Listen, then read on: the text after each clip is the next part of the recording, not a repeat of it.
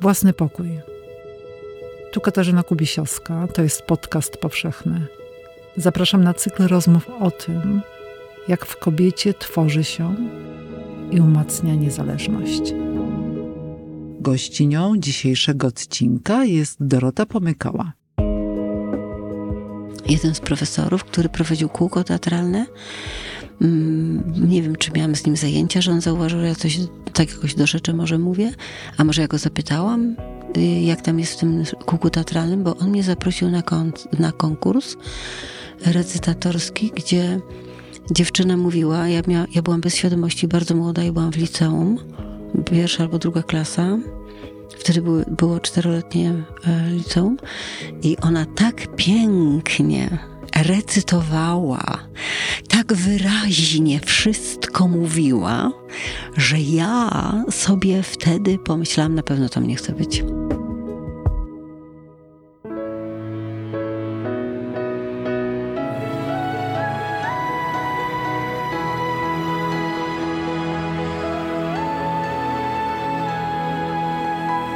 Podcast powszechny. Weź, słuchaj. Dziękujemy patronkom i patronom za wsparcie. Dołącz do grona dobroczyńców podcastu Tygodnika Powszechnego w serwisie Patronite. Dzień dobry z Krakowa ze studia Tygodnika Powszechnego przy ulicy Dworskiej 1C. Katarzyna Kubiesiowska. Dziś ze mną w studiu jest Dorota Pomykała. Dzień dobry. Dzień dobry, witam serdecznie. Proszę mi powiedzieć, bo e, jak jeżdżę, y, przemieszczam się samochodem, to wtedy słucham radia. Kiedy, po- kiedy się zjawiło to, ta gościnia? Bo mnie, mnie w niczym nie przeszkadzało, że gościem dzisiejszego będzie i że to dotyczy tylko facetów. W ogóle tak nie myślałam. A ta gościnia to mnie peszy. Tak? No od kiedy ta gościnia się zrobiła? No, ja myślę, że tak gdzieś od y, siedmiu, ośmiu lat. Lat? A Tak. dlaczego ja dopiero teraz słyszę, że gościem dzisiejszego programu był ten i ten i parę razy już ta gościnia. Dziwne słowo gościnia, nie? Ja myślę, że język y, chyba jest otwarty na te żońskie końcówki y, i bardzo dobrze. I y, to, co jest dziwne na początku, z czasem zaczyna być oczywiste. No, I chyba tak gościnia. jest y, ze No słowem to dobrze, gościnia. proszę Państwa, witam też serdecznie, jestem ta gościnia, to to gość absolutny i prosto z dachu na Rumen on the Roof y, zeszłam i przyszłam do studia Tygodnika Powszechnego i zaczynamy. mm, Mój jest ten kawałek podłogi. No, dobrze, tak, od tego e, kawałka podłogi zacznijmy. E, Pani Dorota, Pani miała własny pokój? Czy dzieliła go Pani z Dzieliłam. siostrami? Dzieliłam. Jak się żyje z siostrami? Na jednym kawałku podłogi?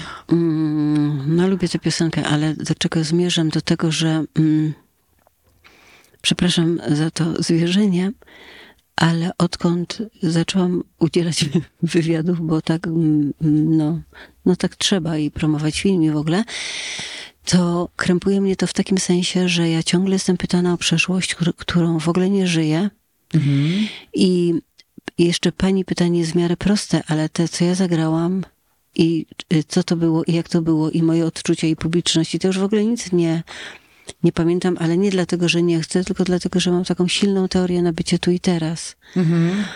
Że sobie siedzimy, gadamy w takim fajnym studiu małym, dobrze wygłuszonym, widzę e, fajne mikrofony, dobrze jest, nie? Mm, Więc mm, jeśli nie będę mogła na jakiś temat odpowiedzieć to, dotyczący przeszłości, to nie dlatego, że nie chcę, tylko że na, naprawdę w ogóle w tamten czas nie wchodzę. Dopiero ten film jakoś przymusza mnie do odpowiedzi. Ale jak, jak mi się z siostrami, no mam dwie fajne siostry, ja jestem akurat średnica. Um, mam starszą i młodszą. Nie, no, co ja widzę z tamtego czasu? Widzę, widzę dwa pokoje, widzę piec taki w kuchni kaflowy, ja chodzę po węgiel, rąbię drzewo, dziewczyny sobie opowiadają o chłopakach, a mnie to peszy. Ciekawe to jest, to pani mówi, że ta przeszłość, że pani patrzy w przeszłość, bo ja sobie myślę, yy, nie patrzymy często, czasami po prostu nawet nie ma na to czasu, a też chyba kwestia jakiejś temperamentu i osobowości, ale ta jednak przeszłość, to skąd się wzięliśmy, co nas ulepiło, yy, jednak wpływa na to, kim jesteśmy teraz. Może to i wpływa na to, jak to nas ulepiło, tylko że jakby to powiedzieć, jestem wyznawczynią takiej teorii, którą gdzieś tam przeczytałam, że znaczy chciałabym bardzo, staram się, że ludzie właściwie tracą czas na roz, rozpamiętywanie Mhm. przeszłości. Często by poprzestawiali fakty, których się już na pewno nie da, bądź zamartwianiu się o przyszłość, a w ogóle nie żyją teraźniejszością. Dlatego ja tak się mocno nakręciłam na, na tę chwilę tu i teraz, że jak sobie tu siedzimy, to dla mnie przestaje świat w ogóle funkcjonować. Zamknęłyśmy się w tym pudełku, patrzę na panią, A ja na Pani- panią? na pani piękne ubranie, e, które pani kupiła u Diora Chanelowego.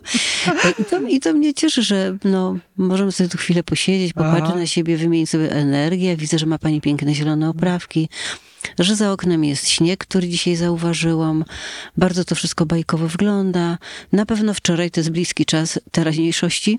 Wróciłam z Warszawy, gdzie do niedawna wykonywałam wszystkie obowiązki, jakie tylko mogłam, e, związane z promocją filmu Kobieta na dachu. E, I jak wjeżdżałam do Krakowa, weszłam do tego fajnego mojego mieszkania, bo poczułam się taka szczęśliwa, taka szczęśliwa, że jest śnieg, że jest ciepłe mieszkanie.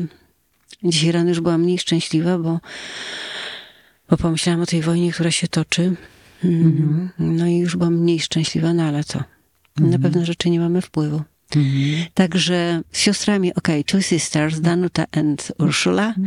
And uczę się cały czas angielskiego. No, a to mieszkanie. Pani weszła, jest ciepło, y, poczuła się bezpiecznie. Ma pani tam y, takie, takie miejsce, gdzie na przykład uczy się roli, biurko, książki? Nie, nie mam biurka, ja nie jestem klasykiem. Ja przez całe, jak już o tym mówimy i tak deczko w tej chwili otwieram drzwi do przyszłości, otwieram na potrzeby naszej rozmowy, no to z- najlepiej się uczyłam w toalecie. E, I prosiłam mamę, żeby mnie budziła o szóstej, że ja tam na pewno wejdę. I szybko, szybko, szybko wkuję do głowy, szybko zapamiętam, żeby nie zapomnieć na popołudnie już. Czyli to był ten własny pokój, bo ta zamknięta przestrzeń. Można by tak rzec, można by tak rzec, bo my tak wszyscy chodziliśmy tam po sobie. Tato miał na różne zmiany, więc często w domu trzeba było być cicho, żeby on się wyspał w dzień na przykład, albo jakoś tak. Nie, nie, nie było gdzie przyjąć za bardzo koleżanek. A rzeczywiście ta, ta toaleta taka, która nie jest w pojęciu dzisiejszym kafelkowym wypasionej, tylko takiej zwykłej, normalnej, no to było takie miejsce, gdzie nic mnie nie rozpraszało, gdzie nie było zbyt przyjemnie, więc ja szybko wkuwałam, żeby wkuć i stamtąd wyjść. Mhm. I rzeczywiście, jak mnie pytano w szkole, to od razu dostawałam dobre e, oceny, wyrzucałam ten materiał z głowy, no bo niby po co on mi, że Q1 równa się Q2, a Q1 równa- to się równa M1 razy C1 razy delta T, a e, ciepło zyskane równa się, po nosach mi się to śni. Koleżanki mi tłumaczyły, nawet potem dostawałam piątki, bo tłumaczyłam innym koleżankom, ale za Chiny nie mogą pojąć, że jest szklanka, jest tam woda, wrzucamy lód i lód się ociepła. Ja nie mogłam zrozumieć, jak lód się może ociepło, ocieplać, skoro on jest taki zimny. Ale one mi tak tłukły, co tu wygląda, co to jest masa tego, jak to topnieje, to, to się ociepla, tam to się o, ochładza.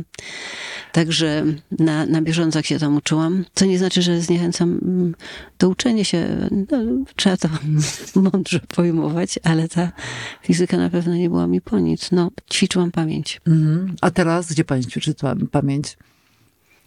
Wie pani co, teraz ja najbardziej lubię improwizować.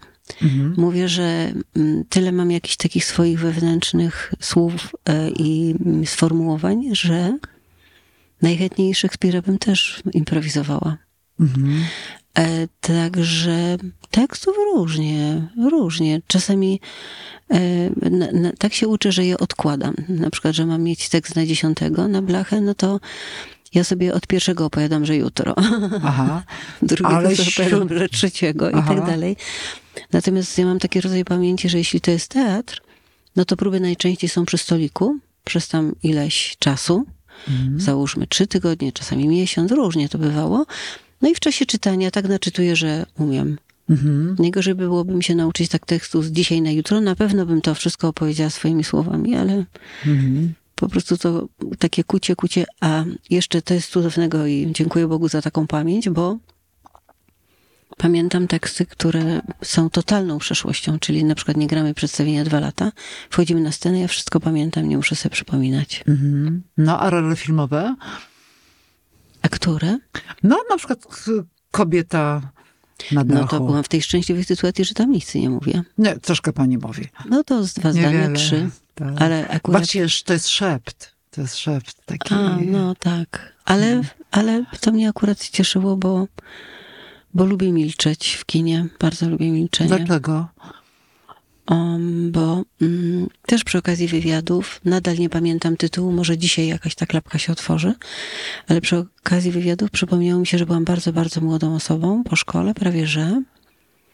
Grałam w takim filmie. Wiem, że był Roman Wilhelmi, wiem, że był Leon Niemczyk, że ich wcześniejszych bohaterów, oni już byli dorosłymi bohaterami, ich wcześniejszych grał Adaś Ferency i któryś z kolegów już nie wiem, a ja grałam w tym schronisku u Tomka Zygadły, to Tomek Zygadło zrobił te, te, ten film. Grałam recepcjonistkę milczącą, taką recepcjonistkę symbol. Wyobraził sobie wtedy Tom, Tomek, um, że, że mam taką twarz takiej Madonny z lekko podkrążonymi oczyma, że to takie, jest takie dziwne i że taki ni to symbol, ni to kobieta, która siedziała w recepcji, była takim konstansem i miałam szansę na to, na taką obserwację, bo on film tak potraktował, żeby pokazać, co się dzieje z ludźmi młodymi po latach. Mhm. Co oni, jak, jak znikają ich marzenia, jak to, co sobie obiecują, że będą lojalni, przyjacielscy, cnotliwi mhm. i tak dalej. I nagle w życiu dorosłym wszystko się to wywala na drugą stronę. Bardzo to był ciekawy temat. Szkoda, że nie pamiętam tytułu, ale na Mhm. pewno fajny, nie? Co się czu- człowiek dzieje z małą Dorotką po latach. Mhm. Pani wtedy jeszcze była w szkole teatralnej? Mam wrażenie, że tę szkołę teatralną chyba już skończyłam. Musiałam być w pierwszych latach pracy w teatrze, ale naprawdę nie pamiętam. Zygadło, na pewno Tomek Zygadło. Mhm. I jak się ten film nazywał, nie wiem, ale to był taki piękny symbol. Pamiętam, że siedziałam z ołówkiem, który sama wymyślałam, że tak siedzę skupiona, w ogóle patrzę tylko przed siebie, rozglądam się i pamiętam to, że świetnie się milczy w filmie, bo, bo, bo, bo napisałam sobie gdzieś w jakichś moich pamiętnikach, wtedy jeszcze pisałam, że czuję się taka bogata wewnętrznie, że się nie rozpraszam, że nie wy, wyrzucam z siebie jakiegoś materiału, co ja myślę, co ja czuję, gdzie, jak ja mieszkam i tak dalej, i tak dalej. I nie robię się coraz bardziej pusta, pusta, pusta, bo tak opowiadam, opowiadam, opowiadam. W którymś momencie jest mi już niedobrze. Sobie myślę, Jezu, trzeba się szybko czymś napełnić. Tylko, że wtedy miałam tak wrażenie takiej, takiej, takiej bogatości wewnętrznej. I, I to była taka fajna rola, że na końcu ta dziewczyna, pamiętam, ta dziewczyna symbol, wchodzi do szopy, tam coś podpala i góry wybuchają, jakiś taki symbol. Niesamowity film. Ciekawe, gdzie on jest i jak się nazywał. O, konkurs dla państwa. Noworoczny. Ja też W sprawdzę. prezencie państwo dostaniecie piękne wiersze Krystyny Dąbrowskiej, Miasto Indo. Indu. Tak, bo ja nie mam bez okularów. Chętnie bym tu Państwu coś przeczytała, ale niestety nie widzę. Wydawnictwa A5. Znacie tę roślinę rozpa rozpaczułkę? Kiedy pożar zdusi już do szczętu. Ja lubię czytać wiersze, lubię bardzo. A Szkoda, pisała- że nie mam okularów. A pisała pani kiedyś wiersze? Tak, ale takie... Kiedyś wymyśliłam sobie takie tomiki, tomiki poezji. Takie maciupkie nic, takie, taka dziecinada. Takie hajku? Tak, może, ale tam trochę więcej było, trzy razy, e, które porozdawałam przyjaciołom mm, pod choinkę. Aha. Aha. No, także to był tylko raz taki incydent mi się zdarzył. A te pamiętniki, o których pani powiedziała? A, Kiedy to już- pani zaczęła i To kiedy... za- tam sto lat temu, Mhm. no, że tam, no, to wiadomo co, dzieci w tym wieku. Okej, ale pani pamiętniki zostały i nie chciałaby pani, żeby ktoś je publikował. Nie, nie, jest spal, a może ja już je spaliłam, nie pamiętam.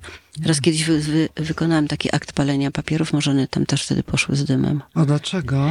Ten pani akt co? palenia Powiem pani, papierów. że kompletnie się do tego nie przywiązuję, tak jak już wspomniałam. E, Wczoraj rozmawialiśmy nawet e, o Andrzeju Wajdzie, ktoś coś tam opowiadał o pracy i tak dalej, i tak dalej. I mnie się przypomniało, że miałam taki program, którego też już nie ma, gdzie przy okazji debuka pan Andrzej do mnie napisał dziękuję za pomoc reżyserską nieujawnioną w programie Andrzej Wajda. Mhm. Em, A o co to chodziło? to chodziło o to, że, mm, no wie pani, czasem jest coś takiego, że aktor ma inwencję albo jej nie ma, to też zależy. A ja tam dużo musiałam chyba mu podpowiadać, a może tak zrobiłam, może tak zrobiłam. I on tak, tak pięknie się pokłonił moją stronę i napisał za pomoc reżyserską, ale nie przypominam sobie, że mi siedział koło niego i reżyserowała moich kolegów. Nie wiem. bardziej podejrzewam, że chodziło o działania takiego chóru, w którym staliśmy wtedy w klątwie i Mhm. może to o to chodziło. Ale Mhm. na pewno nie mam tego programu. Ja nie, nie mam szafy z bibelotami, z pamiątkami, a tu grałam. A pamiętasz, Zosiu, jak grałaś porcję? Pyta w Skolimowie jedna aktorka drugą i tej odpowiada chyba lodów.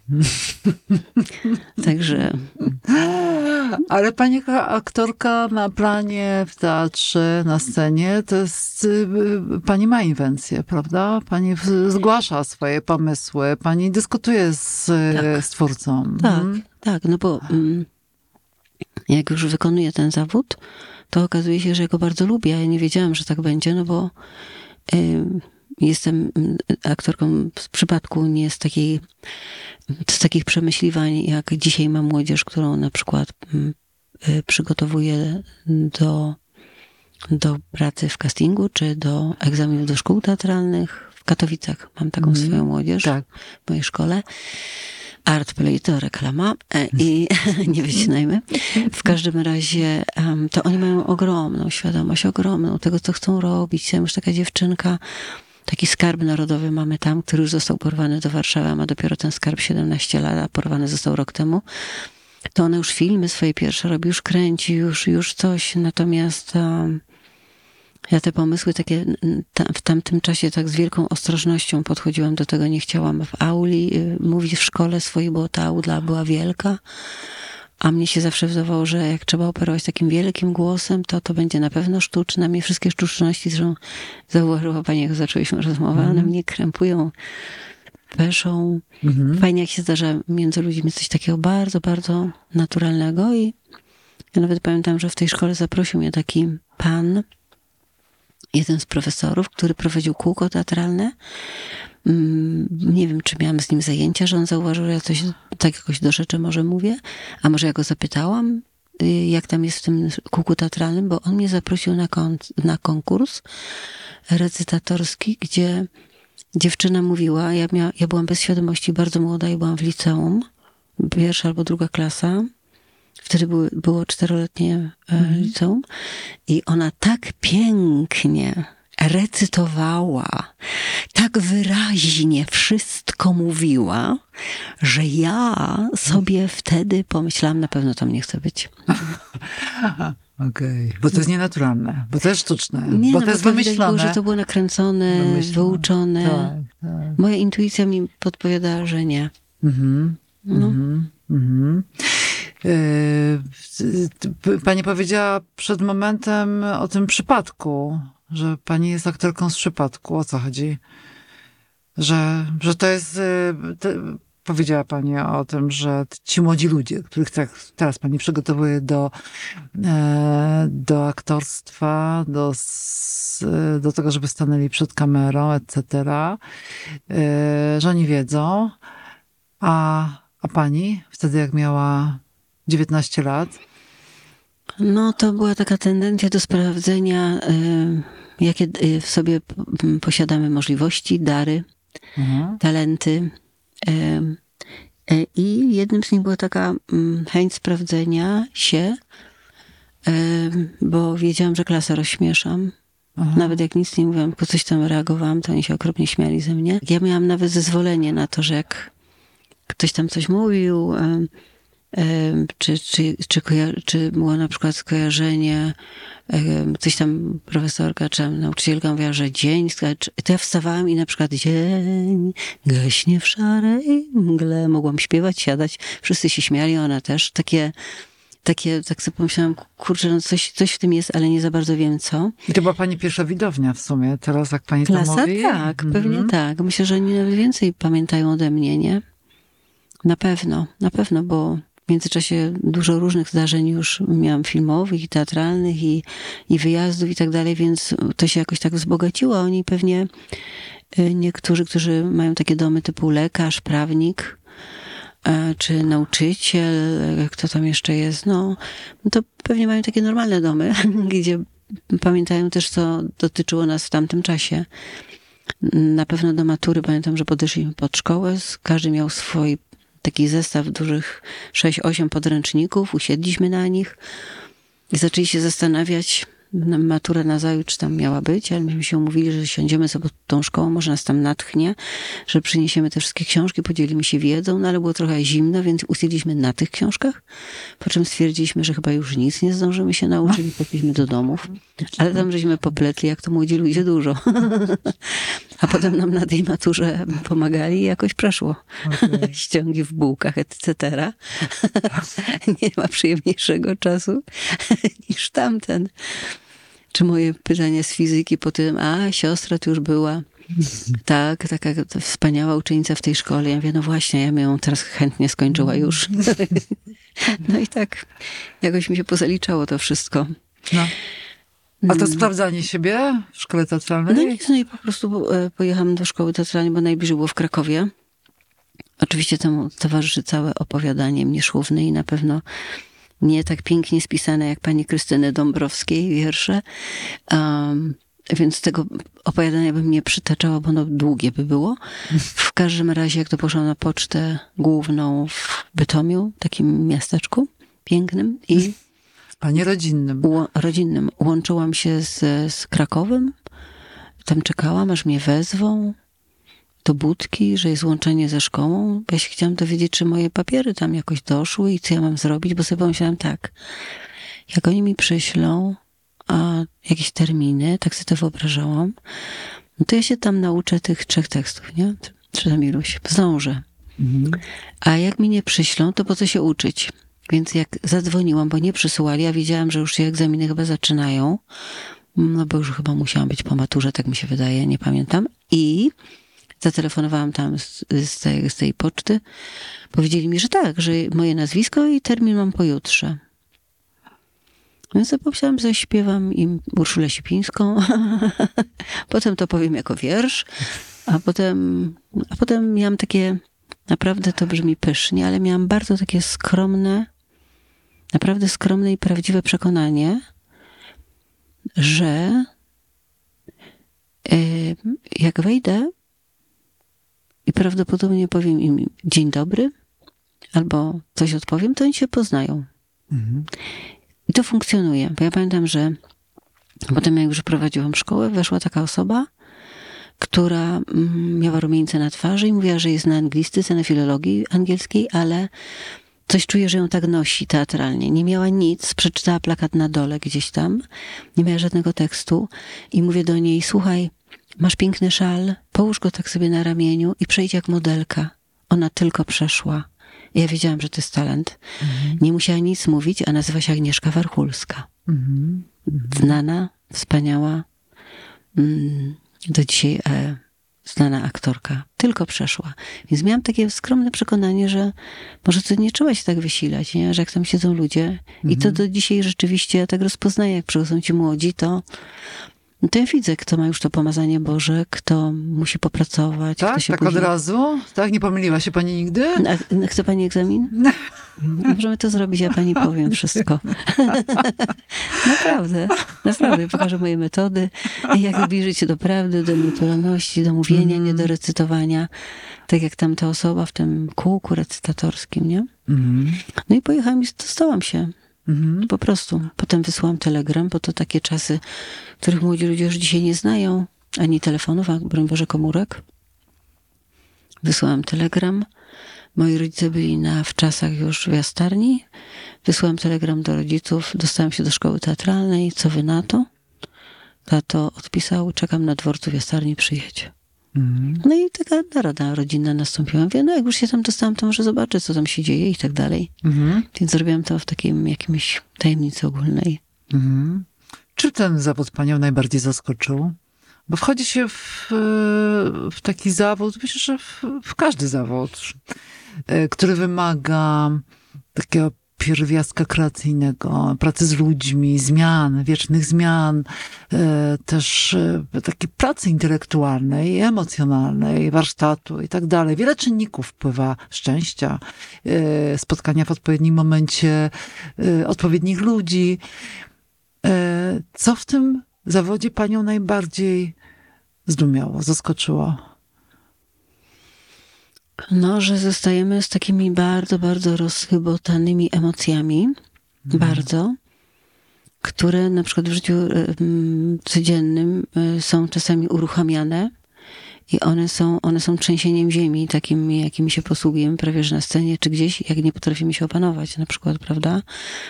Że normalnie człowiek tak nie wybucha, czy tak nie reaguje, a my te emocje już mamy tak uruchomione, one są tak żywe, tak kipią w nas, że one w każdej chwili, jak gdyby przy, przy jakiejś takiej okazji, którą pamięć zachowuje związanej z rolą, one wybuchają tak jakoś bardzo silnie. Więc to jest taki jakiś rodzaj pokiereszowania. Pokiereszowania, aż tak? No zależy, jakimi emocjami się operuje. Mhm. Ja na przykład w przedstawieniach teatralnych używam bardzo takich silnych, trudnych dla mnie, Mhm. bardzo trudnych. Mm, Walka na przykład na scenie w Bitwie Warszawskiej z Anią Radwan, która gra moją córkę, żeby nie cięła sobie żył na moich oczach, to mm, ja to, to wszystko traktuję bardzo poważnie. Nie wyobrażam sobie, że to jest gra, że my tu będziemy udawać, że coś gramy, tylko jesteśmy w tej sytuacji bardzo silnie obie. Mm, I, i tak, żeby no, publiczność mogła z tego coś skorzystać. Nie recytujecie tej sytuacji. Nie recytujemy. I rzeczywiście ostatnio się śmiałam, że, e, że ta scena to ona, ona oczywiście tak nie wyglądała, ale to tak prawie jak w operze, nie? Że osoba śpiewa odchodzę, a druga mówi nie rób tego, odchodzę, czy tam umieram, nie odchodź. I to trwa pół godziny. Tak my miałyśmy dwie kartki, przepraszam, A4 do przepowiedzenia dialogu napisanego przez genialnego Pawła Ademirskiego, a Ania mówiła, że za co sobie te żyły po kolei tnie, a ja, ja próbowałam ją ratować, ale nie mogłam nic zrobić, no bo by się scena skończyła, nie? Ona musiała trwać przez dwie kartki A4. Więc tu nie ma w ogóle, tu no w ogóle nigdy tak nie myślałam, żeby nie operować tymi emocjami, tą prawdą, którą ludzie bardzo wychwytują. Zawsze było wrażenie na tej scenie takie, że nikogo nie ma, bo tak było cicho, nie? Ym, ale to dziwna rzecz z tym szatańskim zawodem pod tytułem aktorstwo, bo przy okazji na scenie przeżywa się coś w rodzaju katarzis. Nie? Jak się prowadzi takie ćwiczenia na przykład, że człowiek się tam może wykrzyczeć, wy, wyhasać, wyboleć, tak powyrzucać z siebie różne takie stany, nie? Robione są takie ćwiczenia na przykład dla ludzi, no dla ludzi, to um, na przykład taka rola powoduje to, że my się też oczyszczamy. Dając tak strasznie dużo, nagle czuje się, że się tak coś dało, człowiek jest zmęczony, ale szczęśliwy. O, tak bym to nazwała. To jest, to jest nie do pojęcia, że to jest zawód, który człowiek się pieruńsko wym, wymęczy i jest szczęśliwy. Tak jak robiłam tę kobietę na dachu dzień w dzień przez 10 godzin, byłam bardzo umęczona. Bardzo. Przez to 30 dni trwało dzień w dzień, poza niedzielami. No i możemy tak powiedzieć, że ludzie dzisiaj tak pracują po 14 godzin, ale widzi pani, tu macie biuro, nie? Wchodzę, ten się śmieje, ten wstaje, ten idzie po herbatkę, siada, coś poskrobie na tej maszynie, idzie do toalety, wraca, tu sobie zrobi kanapkę i tak mu tam 14 godzin mija i w pracy, i w takim rozluźnieniu. Natomiast akurat na planie, w przypadku takiej roli jak ta, to ja miałam 10 godzin totalnego skupienia non-stop. Mhm. Pamięta pani, jak przeczytała pierwsze wrażenie po, y, po lekturze scenariusza Kobiety na dachu? Znaczy już te sceny, które dostałam do przygotowania na casting sugerowały, że to będzie coś strasznie fajnego, trudnego i pięknego. Um, Bo a, mało, bo mało słów. a tak, a właśnie jak przeczytałam, że na mało mi to byłam od razu szczęśliwa, nie? Aha. Od razu sobie myślę, kurczę. No jak to jest fajnie być w filmie, nie mówić. W ogóle nie myślałam, że spoczywa na mnie jakaś odpowiedzialność za istnienia. W sensie? No nie dałoby się y, tym filmem zainteresować widza, gdyby nie zaistniało moje istnienie. Tylko bym to chciała jakoś tam zagrać. Podejrzewam, że jakbym chciała to jakoś tak zagrać, żeby się, że na przykład się oszczędzam czy coś, no to by tak nie zadziałało. A okazuje się, że ludzie w różnych krajach odbierają emocje filmu. Niekoniecznie język, prawda? Jak teraz w Hanoi, czy wcześniej pierwszy pokaz w Ameryce, oni to wszystko po prostu pięknie czytali z emocji. No, zwłaszcza, że bohaterka mało mówi, a dużo przeżywa. Mhm. Jak pani czytała em, pierwsze sceny, a później już cały scenariusz i zaczęła sobie układać e, Nic tę postać w głowie, Nie, nie? układałam, dlatego że myśmy miały próby z Anią, czytałyśmy to sobie ona słuchała mm, i takiej mówiłam, gdzie ewentualnie bym nie płakała, że może tu za dużo, że tu tak, że tu tak. Miałam różne skojarzenia, dużo rozmawiałyśmy o skoku z dachu. Mm, mnie się przypomniało, że w mieście, w którym się urodziłam, takie incydenty odbywały się bo tam też to było dziwne pierwsze wieżowce, takie jakieś budowali, które ze zdumieniem się im przyglądaliśmy. Mm, Nie było karuzeli, więc pamiętam, jak woziłam się z moją przyjaciółką windą na 11 piętro i z powrotem. Mhm. Bo ktoś potem na nas nakrzyczał, że nie mógł po pracy się dostać do windy, bo co zjeżdżałyśmy, to już od razu, że do góry pojedziemy, żeśmy się tak bawiły, takie szczęśliwe, że jest coś takiego jak winda i wieżowiec. No a potem już się uruchomiło te emocje, które były potrzebne i no i tak jakoś poszło. Mhm. A widziała pani w tej postaci jakieś postaci innych kobiet, które pani znała z życia? Takich właśnie u, uwikłanych, umordowanych, nadodpowiedzialnych. Za męża, za rodzinę, za siostrę, za wszystkich, y, biorących na siebie na barki wszystko, cały No świat. myślę, że tak, że, że to jest temat mm, bardzo uniwersalny. Taka służebność kobiet domowych wobec rodziny, wobec męża. Tylko domowych? Nie, nie, ja bym tego nie ograniczyła do domu. No to akurat mamy dom, dlatego o tym mówię, nie? Mhm. W szpitalu też mam szefa, Mhm. który mnie wyrzuca z pracy właściwie za nic, nie? No ale tak jakoś skojarzyłam to z domem, w takim sensie, że tam jak gdyby najwięcej w naszym filmie widać, od czego bohaterka jest uzależniona, prawda? Że na okrągło pierze, gotuje, sprząta, karmi, wszystko robi ona, a mąż leży przed telewizorem. No, to jest taka klasyka urodzaju, Mhm. że myślę, że w co którymś domu tak się dzieje, że, Tak. że kobiety wykonują te wszystkie funkcje. Mężowie jakoś mają taki przywilej wypoczynku w domu, jak przychodzą po pracy, uważają, że w pracy, jak się wykonuje te wszystkie czynności, to to nie jest żadna praca. Nie jak się przy trójce dzieci chodzi, cały czas je pilnuje, gotuje, sprząta, lekcje z nimi odrabia i tak dalej, i tak dalej.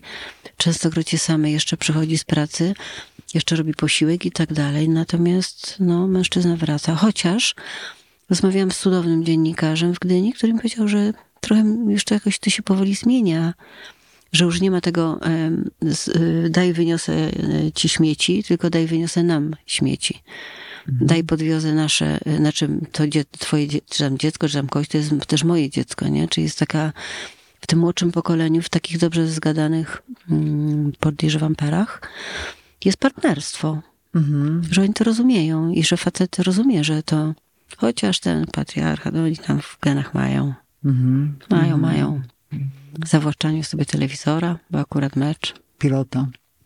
Te kobiety, które nie chcą wojny w domu, uroczo tak przez chwilę jeszcze poudają, że też je interesuje ten mecz, albo rzeczywiście interesuje, albo mówią, oglądaj, oglądaj, ja zrobię coś innego, mimo że tam na przykład może być jakiś romantyczny film, ja nawet chętnie obejrzała, nie?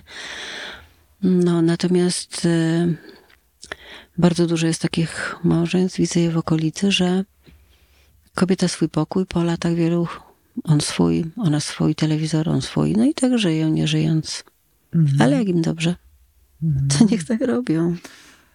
Mnie poraża to też e, w tej opowieści, e, to, że ta kobieta nie ma nawyku wyrażania, a jak już coś próbuje wyrazić, to nikt nie chce jej słuchać.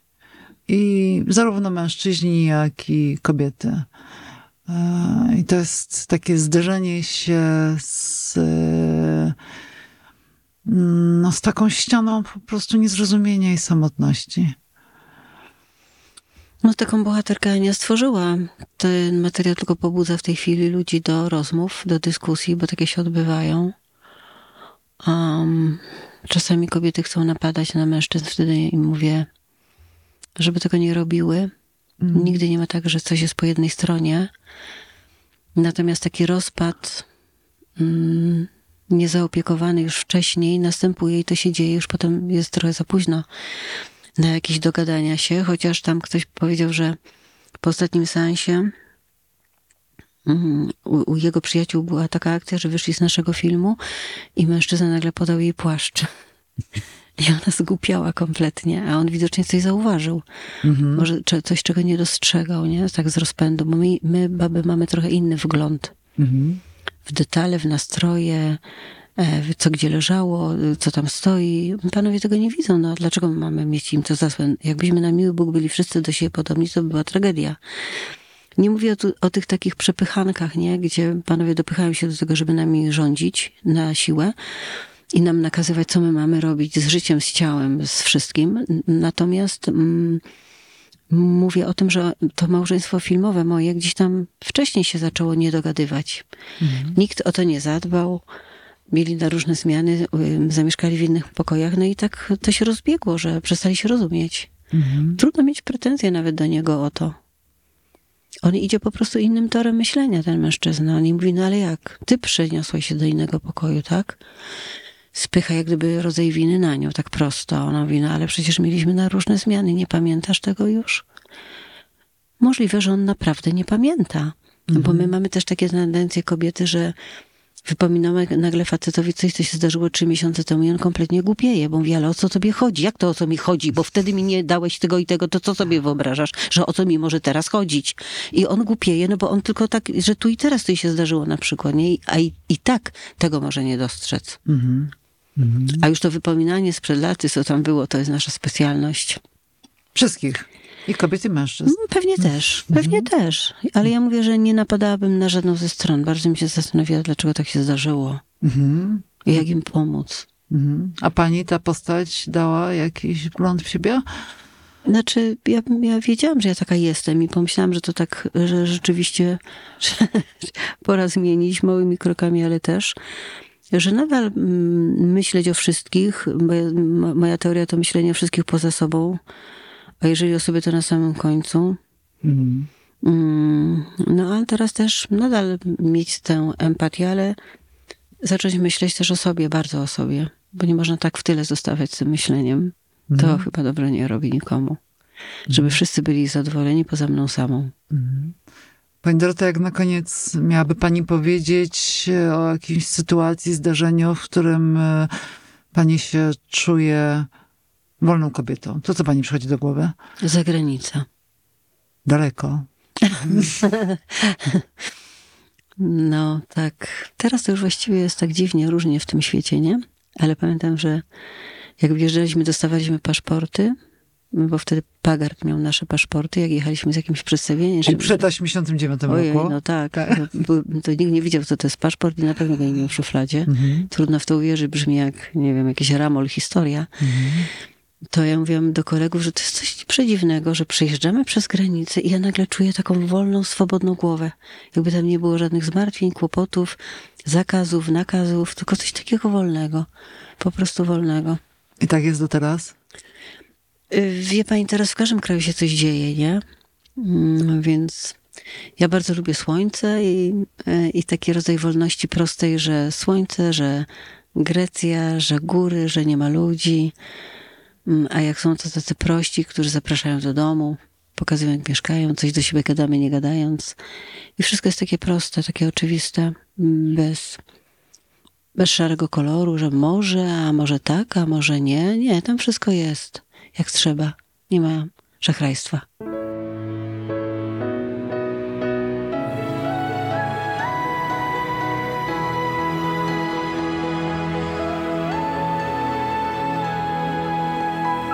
Podcast powszechny. Weź, słuchaj. Jeśli słuchają nas Państwo w Spotify albo w Apple Podcast, zasubskrybujcie nasz kanał. Jesteśmy też w Google Podcast i w aplikacji Lekton oraz na www.tygodnikpowszechny.pl/podcast. Dziękujemy patronkom i patronom za wsparcie. Współwydawcą podcastu powszechnego jest Fundacja Tygodnika Powszechnego.